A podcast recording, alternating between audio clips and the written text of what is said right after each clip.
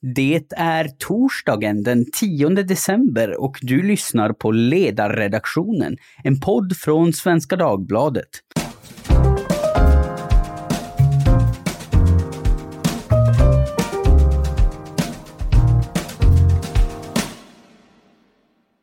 Jag heter Jesper Sandström och idag ska vi prata om ansvarsfördelningen mellan stat och regioner under coronakrisen. Det har ju i brist på ett bättre svenskt begrepp varit något av ett blame game. Beskyllningar har kastats fram och åter. Det är regionernas ansvar, fastslog statsminister Stefan Löfven i en DN-intervju den 1 december. Ordförande och vice ordförandena för Sveriges kommuner och regioner eh, slår tillbaka i en artikel på DN Debatt igår där de menar att det är statens senfärdighet som har bromsat kampen mot viruset. Eh, det var oklart hur testningen skulle se ut, det gick långsamt och går fortfarande långsamt att få lokala besöksförbud på plats och så vidare. Artikelförfattarna sammanfattade som att sena eller uteblivna beslut, liksom långdragna processer, har skapat svårigheter istället för möjligheter. Så vem bär egentligen ansvaret och hur ska ansvarsfördelningen mellan stat och regioner se ut för att fungera på ett vettigt sätt? Det är ju även framöver en högeligen aktuell fråga. Dels för att pandemin är långt ifrån över, nu är det dags för vaccinering som också vilar tungt på vettigt samarbete mellan den offentliga sektorns olika nivåer. Men också för att ansvarsfördelningen säkert skulle kunna fungera bättre även i de tider då det inte är kris och panik. Ja, jag kan inte enkelt svara på frågan om vem som faktiskt bär eller bör bära ansvaret. Så, eh, därför har jag bjudit in två personer som förhoppningsvis kan göra det lite bättre. Marie Morell, moderat ordförande i SKRs sjukvårdsdelegation. Hej Marie! Hejsan!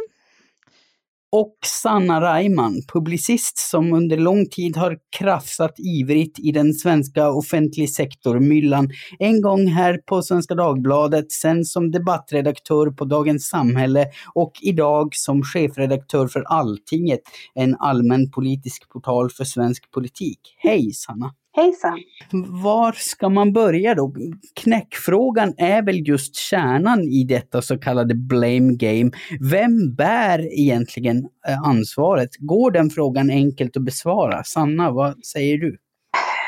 Ja, ja och nej får man väl säga. För jag menar någonstans är det ju så att regeringen har väl alltid yttersta ansvaret när det är en stor kris. Det går ju svårligen att komma undan den. Men sen så är väl det, det tråkigare svaret att ansvaret är ju delat, för så ser det ut i Sverige och vi har självstyrande kommuner och regioner som har ganska många ansvarsområden som de faktiskt bär själva. Och där har det ju funnits ja. flera brister. Eh, det går det inte att komma ifrån. Men det finns också mm. saker som gör att man kan ha stor förståelse för deras problematik. Mm, mm. Ja, vi ska väl komma in på det, det lite mer i, i detalj. Ja. Eh, men Marie, vad, vad, säger du som svar på den här svåra frågan? Vem bär ansvaret egentligen? Ja, jag måste hålla med, men jag tycker att det är ju delat. Eh, vi har ju olika roller och ansvar enligt den modell som vi har byggt upp i Sverige idag och eh, som sagt var staten har ju ett övergripande ansvar, eller regeringen, för krishantering i landet. Men sen har ju regionerna och kommunerna ansvar för att eh, utföra verksamhet. Sen tänker jag ibland att vi kanske, det blir ofta väldigt lätt fokus på det som inte har fungerat. Jag tycker också att vi ska fokusera en del på att faktiskt väldigt många saker också har fungerat på ett väldigt bra sätt. Så att det är ju en blandning av både sånt som har fungerat, inte har fungerat och en blandning också över vem som har ansvar för detta. Men det är klart, Mm. en, en, en tydlighet i, i eh, krishanteringen nationellt, det har vi ju pratat om i många år. Estonia har ju blivit aktuellt här igen till exempel och det fanns ju med frågor redan på den tiden och tsunamikatastrofen kommer vi också många ihåg. Ja, Ja, Sanna, du sa ju, när vi pratade inför det här samtalet så sa du ju någonting i stil med att ja, i, i början så fanns det väl en del som eh, regionerna jo, gjorde fel, men, men sen så eh, har de fått lite oförtjänt skit för de, de har drabbats av statens agerande. Typ. Kan du bredda ut lite kring ja, det? Ja, precis. Nej, men jag tycker alltså inledningsvis eh, när vi eh, inte var inne ens i, i liksom ett pandemiläge i Sverige. Eh, men eh, Socialstyrelsen började liksom undersöka hur det såg ut med beredskapen i regionerna och sådär. Eh, så fick man ju dels ganska skönmålande svar eh, av typen allting ser bra ut, vår beredskap är god givet att allting ser ut som det gör idag. Vilket ju är lite av ett icke-svar givet att frågan är ju mer hur klarar ni er om det blir en pandemi? Eh, men ja. väldigt många svarade på ett lite sådär iffy sätt kan jag tycka. Eh, vilket också gjorde att, att eh, Lena Hallengren klonkade ut och sa att eh, beredskapen är god och alla har gott om utrustning. Och sen tog utrustningen slut ganska fort när det väl var dags. Mm. Och där förlorar man ju tid. Därför att man på något sätt krishanterar, inte genom att säga ärligt hur det ser ut, utan genom att eh, i stunden säga att allt ser bra ut. Eh, för att man tycker att det känns jobbigt att berätta att man kanske inte har skött den beredskapsuppgift som man faktiskt har på regionnivå. Eh, så att där finns ju, det tycker jag var liksom en, en, första sådär eh, prick, eh, eller plump i protokollet. Och det har ju funnits fler förstås.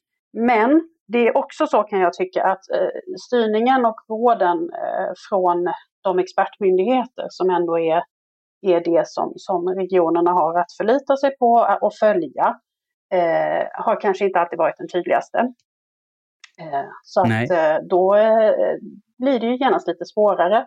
Och jag kan ju till det också säga att det finns ett självstyre och jag måste säga att jag förstår inte varför inte fler regioner och kommuner för den delen har använt sig mer av sitt självstyre, sin möjlighet att själva införa restriktioner och sådär. Jag har ju sett och man hör ju, man har ju förstått när det gäller till exempel de här regionala råden som har eh, trillat ut under hösten lite allt eftersom det har blivit värre och värre i olika delar av landet.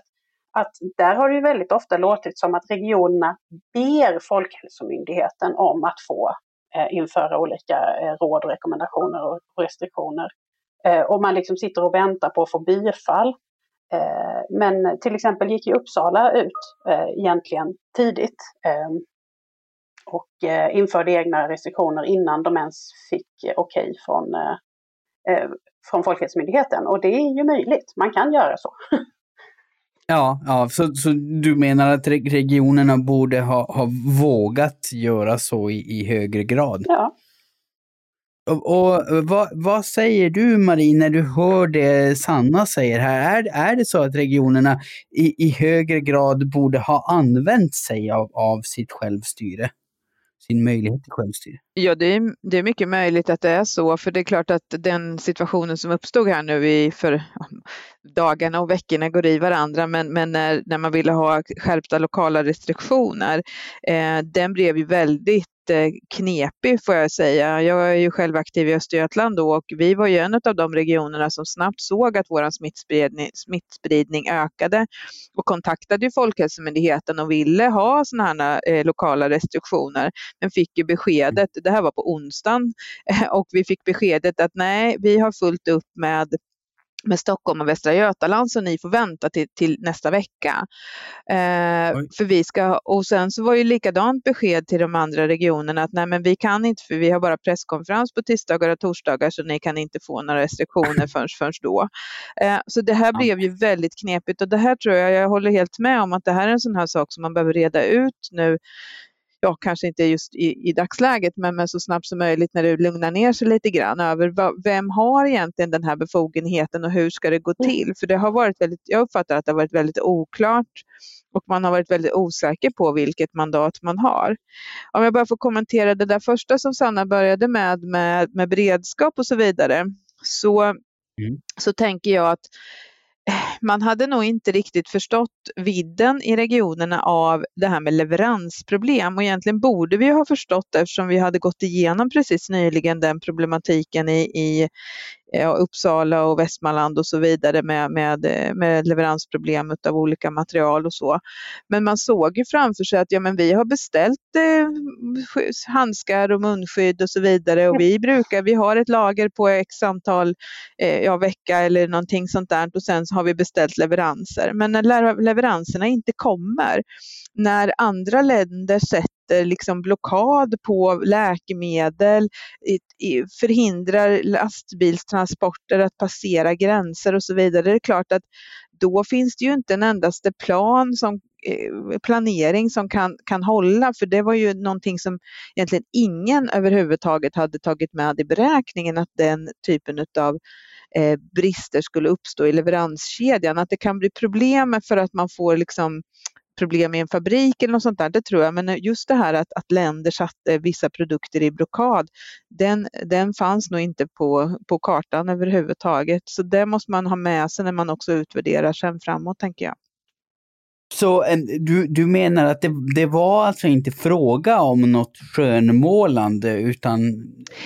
Ja, utan, Alltså det är klart att eh, man har ju gjort om hela systemet och det har vi ju pratat om tidigare i debatten att, att man har ett mer just in time system.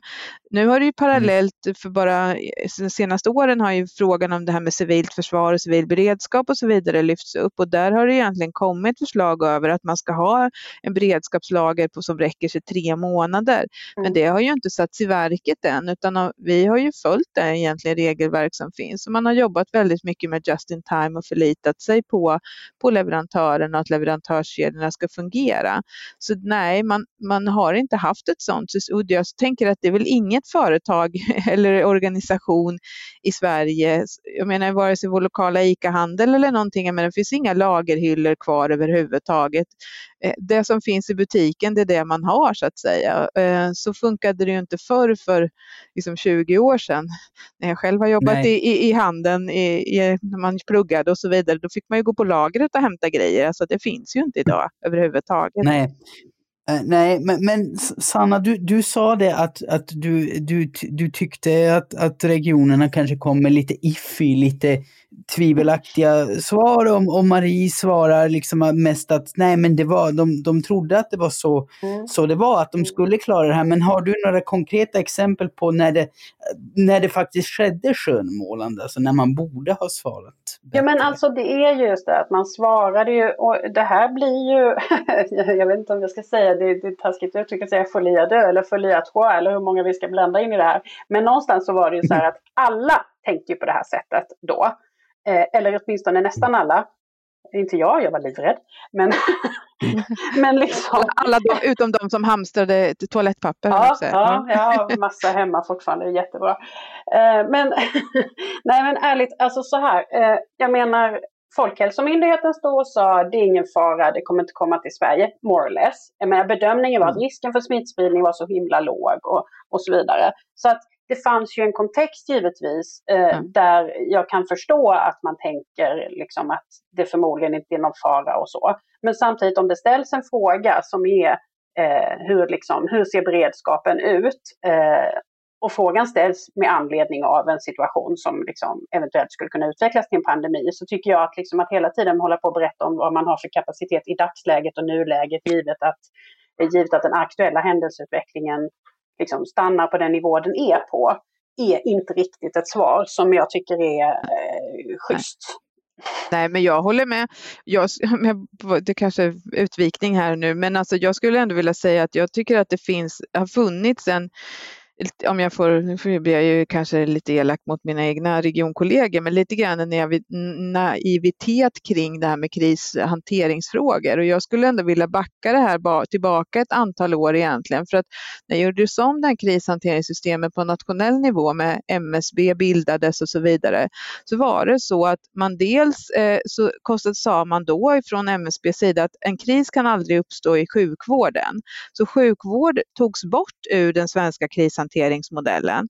Det var också så att de medel och resurser som regionerna eller dåvarande landstingen hade till förfogande att göra olika övningar och, och utbilda sina medarbetare, de statliga eh, stöden, de togs också bort.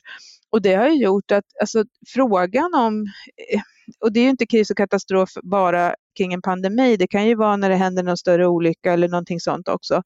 Den har på något sätt lite grann man, man, har tyckt att man i samhället har monterat upp den för att man har skapat MSB och andra organisationer, men i en sjukvårdskontext så har den faktiskt monterats ner. Mm. Eh, vi i Östergötland har ju något som heter Katastrofmedicinskt centrum som nu också är kontakterade mot Socialstyrelsen och nationell resurs. Och genom att jag har dem ganska nära mig ur liksom ett ledningsperspektiv så har jag följt de här frågorna ganska kontinuerligt och fått mycket information löpande. Och där har man ju varit frustrerade över över att man fick ju kurser och sådana saker, utbildningar inställda för regionerna hade helt plötsligt inte råd att, att vidareutbilda sina medarbetare i den här typen av frågor. Så att jag tänker att egentligen skulle vi behöva backa bandet ytterligare för att också hitta svar på varför man kanske svarar precis så som Sanna, Sanna beskriver det. Jag menar det här, det här gäller ju både regionalt och kommunalt kan jag tycka. Eh, jag menar när det gäller till exempel frågan kring skyddsutrustning och sådär. Eh, jag tycker det har varit en väldigt märklig situation under hela den här pandemin där, eh, där man har följt Folkhälsomyndighetens rekommendationer inte som ett liksom, minimikrav utan som ett maximikrav. Så så fort någon har sagt att Nej, men vi vill ha munskydd här fast de säger att det inte behövs då har det liksom blivit som att så här, vad konstiga de är. Det är nästan populism att gå med munskydd när Folkhälsomyndigheten har sagt att det inte behövs. Och det här är ett sånt där område där jag verkligen inte förstår varför inte man regionalt och kommunalt har agerat liksom mer utifrån en egen, prata med din smittskyddskille, eh, vad tycker han?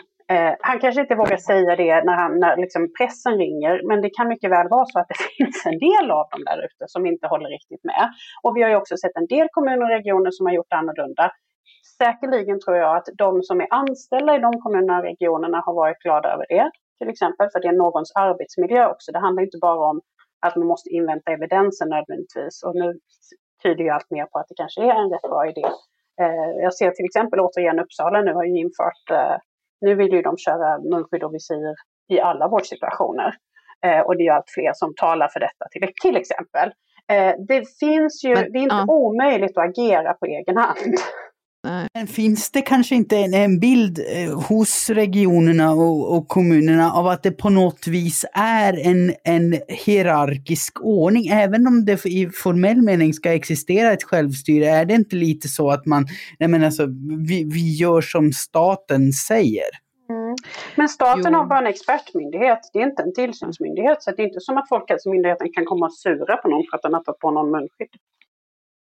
Nej, nej, det är sant. Nej, men absolut. Nej, men det, jag håller med om att alltså, det här behöver man nog, alltså man behöver nog djupa i de här frågorna som sagt efteråt. Men det är också så att alltså, smittskydds, våra smittskyddsläkare och så vidare i regionerna har ju också en väldigt nära kontakt med Folkhälsomyndigheten och jag uppfattar ju att de är ganska samstämmiga i sin, i sin bedömning. Så det är ju också så att jag menar det, det, kan nog, det är nog inte så ofta som smittskydd tycker någonting annorlunda än Folkhälsomyndigheten, fast det kan finnas andra i regionen som tycker något annorlunda.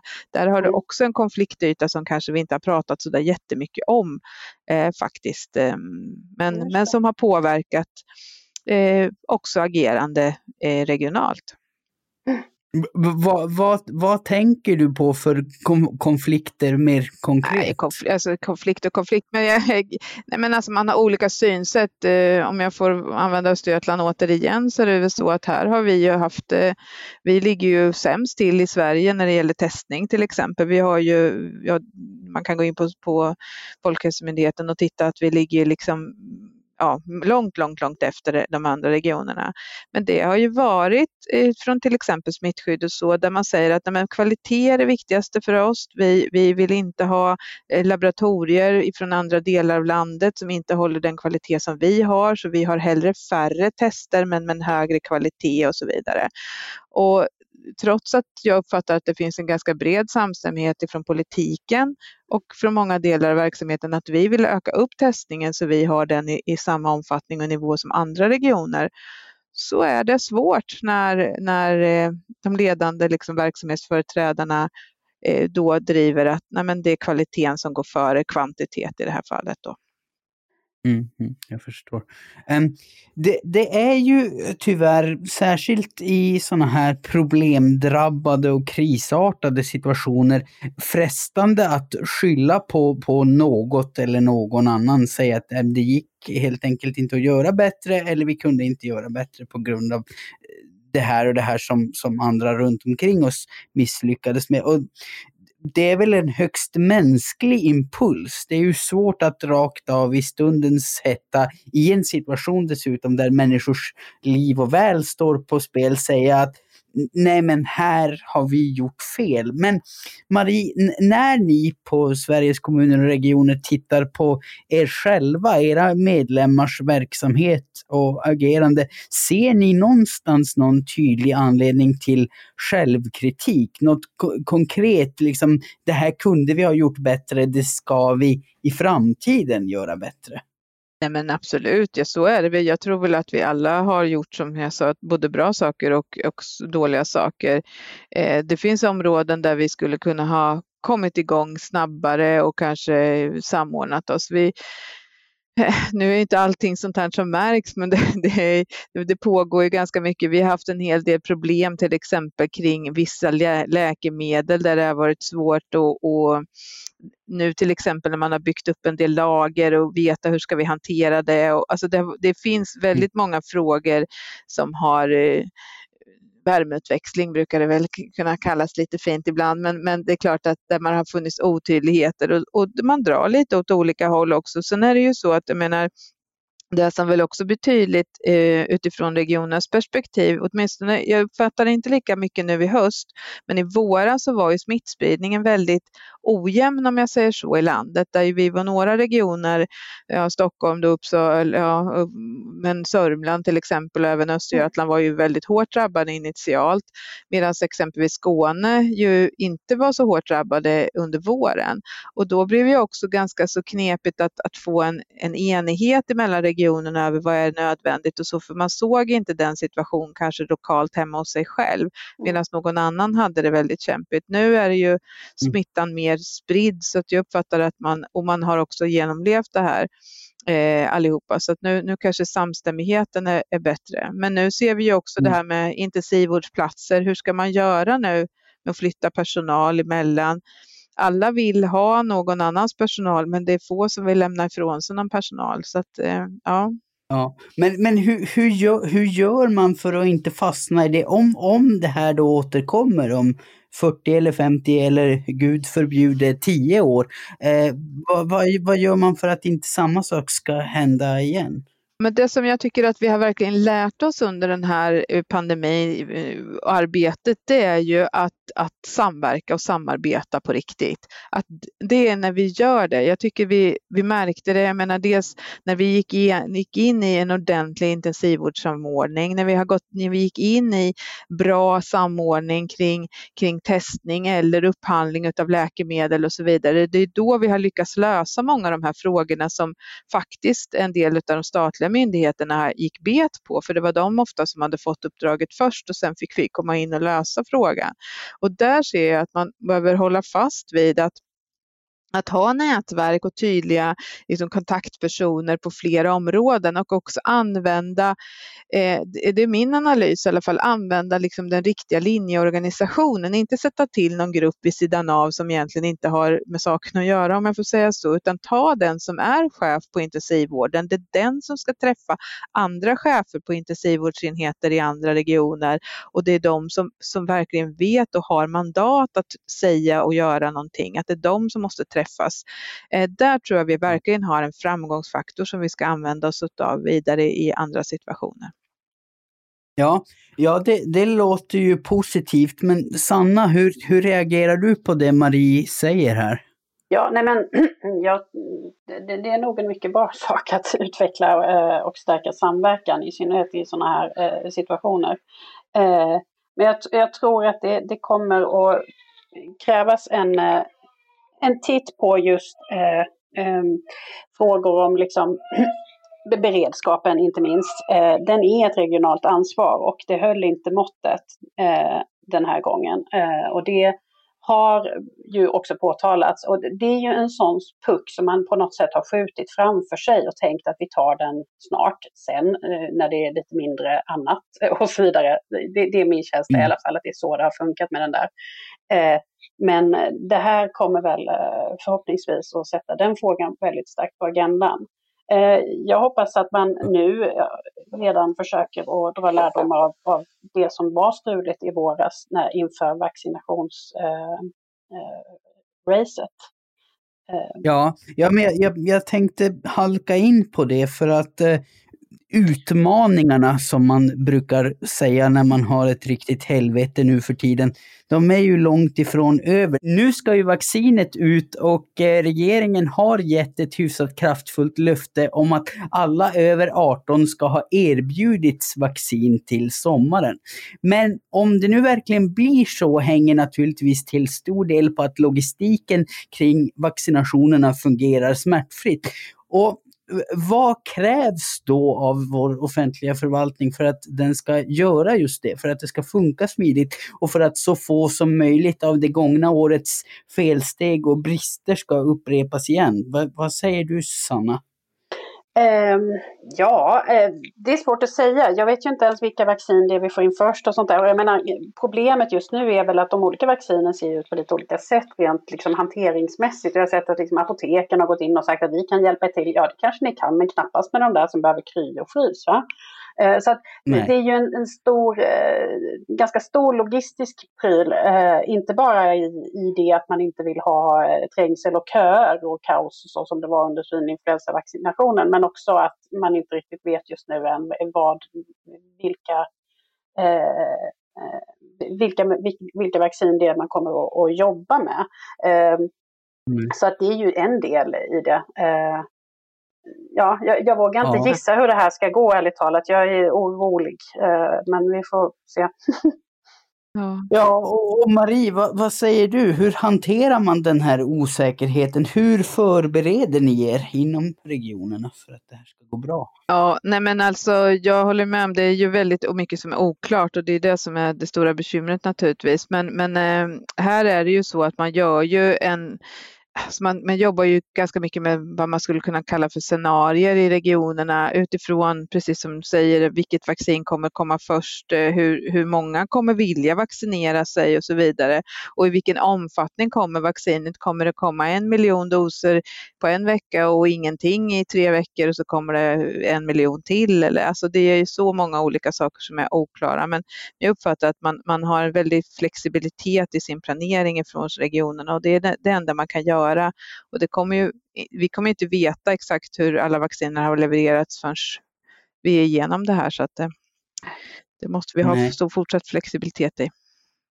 Ja, ja precis. Men, men du upplever att det finns tillräcklig flexibilitet i alla fall? Du, det, är inga, det är inga problem som ni ser redan nu, som ni ser, ser att ja, men det här skulle behöva åtgärdas, det är inte åtgärdat än? Ja, det finns ett antal problem eller områden som inte riktigt är klara och då är det nog faktiskt eh, om vi har en del på, på, på den mer nationella sidan. Dels är det väl fortsatt lite oklart över om det om mot all förmodan det skulle uppstå några problem så finns det inte riktigt klart med försäkringar gentemot patienten och det utgår jag ifrån och förutsätter att regeringen arbetar med. Eh, vi har också en fråga som handlar om vi misstänker att många kommer vilja ha någon form av intyg på att man är vaccinerad.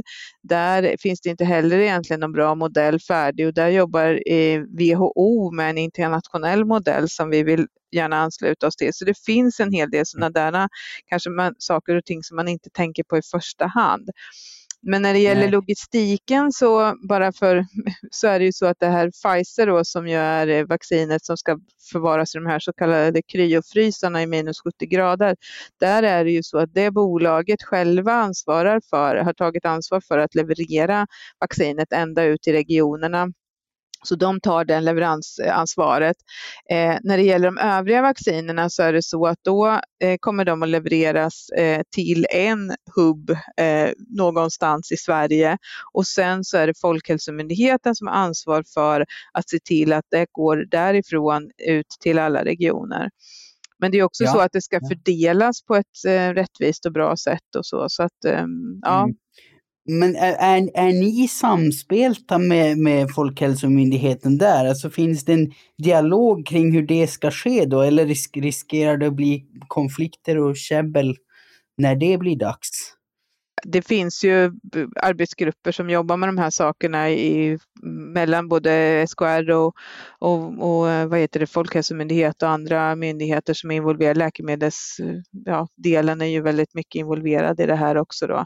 Eh, men sen mm. finns det ju också frågor som rör säkerhet till exempel. Behövs det bevakning på de här transporterna eller platserna där vaccin kommer förvaras och så. Så det är ganska många olika parter som är involverade. Men jag uppfattar att man har bra diskussion och man försöker att tänka alla, alla tänkbara...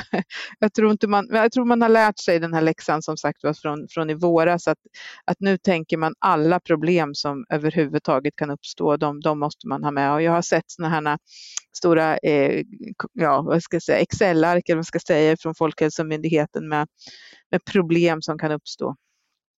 Ja, Ja, och Sanna, du, du som har varit föredömligt orolig under den här, hela den här krisen, även när andra kanske har talat om för oss att vi egentligen inte har skäl att vara oroliga. Blir du lugnad av att höra det Marie säger? Eller? Ja, Excel-lack med problem låter bra. Jag tänker att man kan börja där i alla fall. Nej, men helt ärligt så är det ju oerhört mycket bättre än att stå och säga att det kommer vara lugnt, det händer ingenting. Eh, för att det är ju mm. lite det som har varit känslan under eh, liksom in, de, den inledande perioden av pandemin så var det på något sätt lite avfärdande och, och chilla tongångar på många håll. Eh, och det tror jag det banade ju inte väg för någonting, eh, något som var så lyckat i Sverige i hur vår coronahantering sedan blev. För att är man lugn och chill, ja men då förbereder man sig inte lika bra. Eh, så att eh, det är nog bra att ha problem upplast, uppradade i ett Excel-ark, definitivt. Men, men jag tror också att det finns en kombination här för att jag känner också, även om man då har, jag ska inte svära på att det var ett just Excel-ark, men ni förstår vad jag var ute efter. ja. Men eh, vad heter det, Nej, men dels att man kan identifiera problem, men jag tror att eh, hälso och sjukvården är så vana vid vaccinationen. Det är liksom bread and butter lite grann för, för hälso och sjukvården och primärvård och så. Man gör influensavaccinering. Svininfluensan var inte så länge sedan. Eh, vi gjorde den här stora vaccinationsinsatsen. Så här känner man, som jag uppfattar att man känner sig liksom mer trygg, både när det har gällt liksom behandlingen av coronapatienter men även, även testningen, så har det varit någonting nytt, något som man aldrig riktigt har varit med om tidigare. Och då är det så mycket svårare att också tänka vilka problem som kan uppstå. Men har du gjort någonting, då är du liksom mer inne i, i, i också tänkandet över vad kan, vad kan gå fel. Så därför så tänker jag att jag jag, jag, känner mig också mer trygg med, med just eh, vaccinationen för det, det är någonting som hälso och sjukvården har jobbat med under väldigt, väldigt lång tid. Sen kan man inte göra det exakt ja. på samma sätt den här gången. För under svininfluensavaccinationen så var det ju väldigt mycket köbildningar och trängsel och lite alla möjliga sådana här konstigheter ja. som, som vi absolut inte vill se nu. Sen är det väl möjligen så att eh, det faktum att det kommer dröja lite innan vi ens drar igång kan ju vara bra i så mått att då kanske eh, rådande våg har lagt sig lite grann av rena väderskäl. Ja. Nej, men det har ju varit viktigt också. Det är ju därför, jag menar de här, det finns ju en vaccinsamordnare i varje region då och de har ju träffats ända sedan i somras någon gång och, och har ju haft möten liksom en gång i veckan och, och påbörjat hela det här arbetet. Så det, vi ligger ju lite bättre i fas och det var ju också därför vi har verkligen ville få till den här överenskommelsen innan, innan vi stod så att det inte blev som med testningen, att testningen var liksom i princip igång och vi kastade in liksom hela det paketet efter att allting redan hade startat utan nu vill vi ha alla, eller så många förutsättningar som är möjligt ska vi säga på plats innan man drar igång den här aktiviteten. Ja, då, då hoppas vi att ni når den målsättningen. Och eh, nu har vi väl rätt ut den här frågan ungefär så gott vi kan på tre personer och en dryg halvtimme. Om det, ni inte känns att det finns något som ni bara måste tillägga innan vi rundar av för dagen. Jag vill bara säga det att när det gäller hälso och sjukvårdens beredskap så pågår det ju en, en statlig utredning om det just nu så att det, det kommer, mm. frågan kommer att fortsatt hanteras och den är ju med i den. Det är Åsa Kullgren som eh, leder en SOU kring det. Så att fr frågan är, mm. finns fortsatt levande.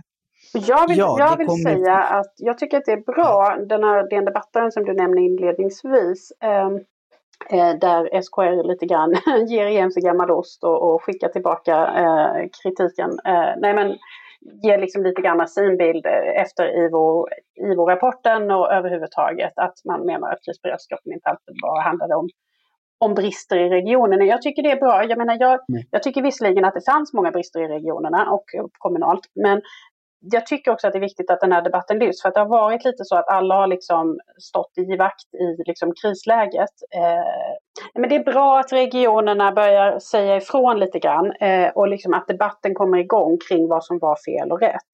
Därför att det, jag tror att det, det kommer inte finnas ett enkelt svar om vems fel det här var. Eh, om man ska knyta tillbaka lite till vad vi började med.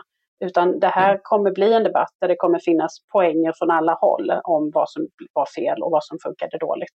Mm. Eh, ja, och, och vi, vi, ska försöka hålla strålkastarljuset på den här frågan också. Det, det är ju lätt att man både från mediernas och myndigheternas sida kanske blir lite glömska i det här ämnet igen när, när allt åter börjar vara frid och fröjd om man inte vill tänka på sånt som beredskap. Men som sagt, det, det, det är en sak som utreds och det kommer säkert bli många fler poddar och artiklar i det ämnet. Men då säger jag och lyssnarna stort tack till Sanna Reimann, chefredaktör på Alltinget och Marie Morell, mm. ordförande för Sveriges kommuners och regioners sjukvårdsdelegation. Och tack också till alla lyssnare vill ni lätta era hjärtan av vad de än må vara fulla så gör ni det på mejladressen ledarsidan svd.se. Producent, det är jag, Jesper Sandström. Så att om det någonsin låter illa så är det inte varken statens eller regionernas fel utan det är helt och hållet mitt. Och eh, vill ni göra oss lite extra glada, ta då den lilla tid det kräver att recensera oss i Apple Podcasts. Då hittar fler till podden, då lyssnar fler på podden och då är det ännu fler intressanta människor som utan tvekan tackar ja till att vara med i podden så att vi får vrida och vända på dem och deras tankar för ert höga nöjes skull. Håll i, håll ut och håll avstånd som vanligt. Ta hand om er och tack för idag.